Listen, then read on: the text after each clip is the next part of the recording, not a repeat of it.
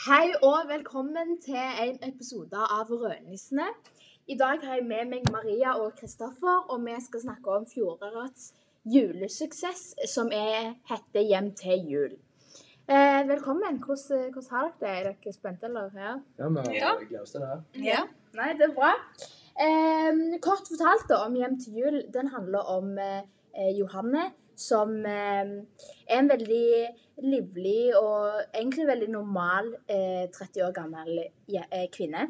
Men hun er singel og eh, ensom rundt juletida. Og i hvert fall når alle vennene hennes er gift og har barn, og familien og søsknene hennes er gift og har barn. Så hun føler seg veldig sånn utenfor, da. Fra familien eh, rundt julebordet og sånt. Så hele serien starter egentlig med at eh, Johanne eh, er rett og slett veldig lei av å sitte rundt barnebordet, da, på en måte. Så hun lyver og sier at eh, hun har fått seg kjæreste. Eh, og da ble jo foreldre og søsken veldig glad og ber henne om å ta han her med eh, på middag på jule, julekvelden, liksom. Eh, og, Jack, og hele serien da handler om at eh, hun skal lete etter eh, kjæreste. Så det blir på en måte sånn jakten etter kjærligheten, da. Um, ja. Um, ja, hvis vi går litt inn på karakterene, så tenker jeg jo at du har forklart eh, hvem Johanne er ganske godt, men hun har jo en del eh, støttespillere òg, eh, som på en måte hjelper henne. Eh, og det er f.eks. Jørgen, som er hennes romkamerat, eh, som eh, hjelper henne veldig til å på en måte gå ut i eh, datinglivet, da, tenker jeg. ja. Og så, og så møter hun en, eh, siden hun jobber på sykehuset, da. Så hun møter en eh, pasient som heter fru Negård, og hun er med på å eh, hjelpe henne til å bli mer tøff da, i forhold til dating. og alt. Mm. Ja, for vi ser at fru Nergård deler mye av sitt tidligere liv med hun som på en måte egentlig lærer både Johanne og um, oss som ser på veldig mye. Som eksempel eh, når hun forteller det at det, å være alene er ikke det samme som å være ensom. Uh, og det er jo egentlig et veldig bra og viktig budskap, i hvert fall rundt i juletida, da. Men det er jo ikke bare Jørgine og fru Nergård som har på en måte vært med opp gjennom denne eh, serien her. Hun har jo vært på date med mange, mange forskjellige gutter. Vi har Stein, som var veldig sporty og snill, forsiktig og veldig jordnær. Men eh, han minte meg veldig mye om faren, da. Og så har vi Henrik, som er legen, som hele tida var nervøs. Det var nesten litt sånn kleint å se dem på skjermen sammen, fordi han var så nervøs. Og så har vi han Jonas, som hun likte veldig godt. Eh, som var han 19 år gamle svenske rike duden, da, som var litt sånn fuckboy og gikk litt sånn rundt på um, alle jentene. Og så har vi hun Eira, som jobber med henne på sykehuset, eh, som eh, var eh, lesbisk. Og man ser veldig, veldig tidlig i serien da, at hun var veldig gira på hun Johanne, da. Hva tenker dere om disse? Hadde de vært med og spilt en rolle? Hadde de forandra hovedpersonen opp gjennom serien, liksom? Ehm, ja, de er jo en viktig del av serien, og uh, hun, jeg vil jo si at Johanne forandrer seg. Hun får uh, Hun blir mer åpen til nye mennesker, og det ser man f.eks. òg når hun plutselig legger merke til denne sykehusklovnen, eh, Rahul, som hun aldri har lagt merke til før. Så hun legger liksom merke til flere og flere mennesker da, som ikke nødvendigvis må, som hun må ha en kjærlighetsrelasjon til, men jeg tror det er viktig å se at eh, man ved å åpne litt mer, så kan man få det bedre selv om man ikke har kjæreste, da. Det syns jeg eh, at eh, Johanne utvikler seg til da, gjennom serien. Ja, stemmer det. Eh, fra karakterer til miljø og lyd og musikk.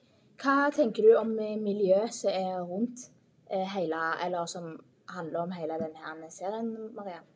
Um, nei, det er jo en juleserie, så det bygges jo veldig opp rundt jul. Og vi ser jo mange forskjellige virkemidler som viser at det er jul. Uh, det er f.eks. været. Det er jo snø ute. Uh, og så er det forskjellige julemarkeder uh, som er prega av jul. Blant annet liksom rei- reinsdyr og forskjellige liksom julepusher og litt sånn forskjellig som viser at det er jul, da.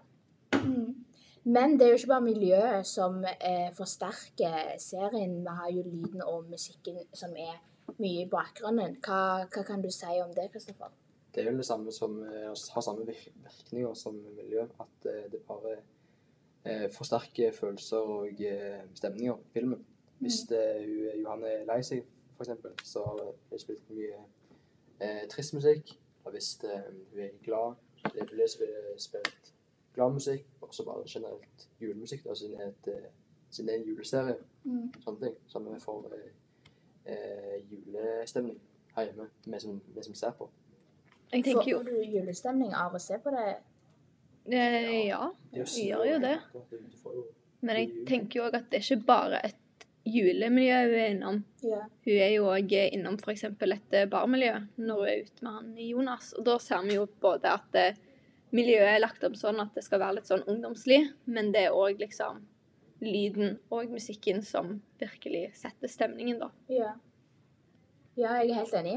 Eh, men kamerateknikken og dramaturgien i denne serien Man ser jo med en gang serien starter, så ser man at hun her, Johanne da, sitter i midten eh, rundt dette bordet, og så zoomer de sakte utover, mens hun på en måte snakker i bakgrunnen. da, sant? Eh, og så zoomer de seg rett tilbake til hun igjen, og det viser jo veldig tydelig og med en gang at det, det er denne personen denne serien handler om. Eh, Syns dere dette her er en bra start, eller hva tenker dere generelt om kamerateknikken de har brukt og sånn på denne serien her? Um, jeg syns det er en bra start. Jeg syns det på en måte setter stemningen når vi får vite at ok, her er det, her er det Johanne som det skal handle om. Eh, og det ser man i mange sammenhenger. Men jeg tenker òg f.eks.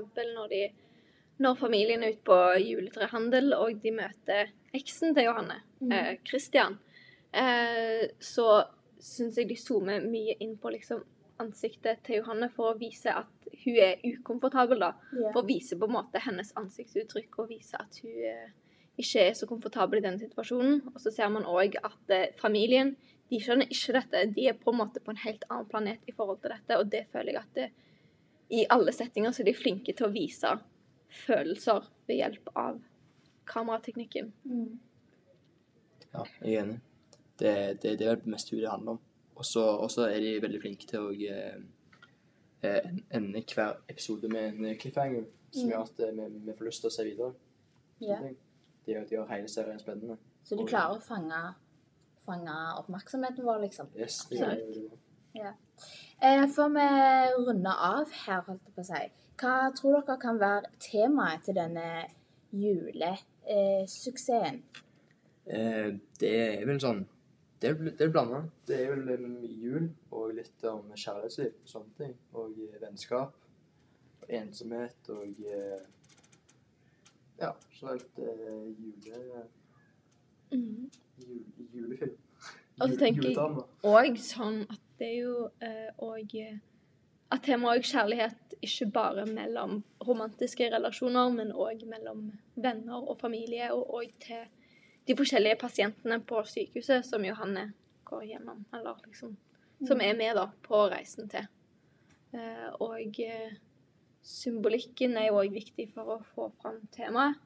Eh, og det, sånn med ensomhet, da, så er det jo masse symboler på ensomhet. F.eks. når hun ser denne kjærlighetsvotten med to hender, som viser jo at oi, for å kjøpe den, så må jeg nesten ha en kjæreste. Men òg når hun skal kjøpe eh, sånn julepysjamas, så kommer det i en pakke med to. Og hun skal bare ha én. Ja. Um, Johanne ser jo ut som en person som har mye kjærlighet på lager, og det ser man veldig tydelig med pasientene på sykehuset, som f.eks. Forneger og Hans Sebastian, når hun, hun bruker liksom tida si på å strikke et teppe til han fordi hun har klart å knytte bånd med dem. Men jeg føler ikke at hun finner på en måte en person som, som kan utfylle den kjærligheten hos hun da. Sant? Og det tror jeg eh, er liksom at det kan òg være en ting det handler om da, i denne eh, serien her. Eh, men nå renner dessverre tida ifra oss, og vi må jo runde av. Men til slutt så lurer jeg på Hvem tror dere er siste, siste person som dinger på døra Fordi de avslutter jo hele serien med at det er en person som dinger på. Men vi vet ikke hvem det er. Um, ja, det er jo det som på en måte gjør serien så bra, at vi gleder oss veldig til sesong to, som Ja. kommer ut i, I dag, dag. faktisk. Eh, og eh, Nei, det er vanskelig. Eh, og de bygger jo på en måte opp at det kan være alle. Ja. Alle som hun har vært i kontakt med. Men jeg tenker òg litt at eh, det ikke At det ikke kommer en av disse fyrene, da. At det kommer noen helt andre, men at det er med på å bygge opp serien, da. Ja. Eh, og at de, for å bygge den videre, ikke avslører hvem det er med en gang. Ja. De flinke. Jeg, altså, jeg tror helt personlig at det er eh, han der Stein, jeg. At eh, faren kanskje kan ha invitert han med, eller et eller annet sånt. Så jeg har litt sånn tro på at det kan være han. Ok, Hva tenker du, Kristoffer? Jeg tenker det kanskje er han er legen, altså. Eller, Ja. eller, eller en eller annen som hun ble glad for å se. Sånn, hun smilte jo veldig når, Ja. Mm. når, når det ordna seg. Så hvem vet? Nei. Da er det bare å følge med eh, på den nye episoden som har kommet ut eh, i dag. Eh, tusen takk for at dere kunne komme, og så får dere ha en riktig god jul. Yes, God jul! God jul.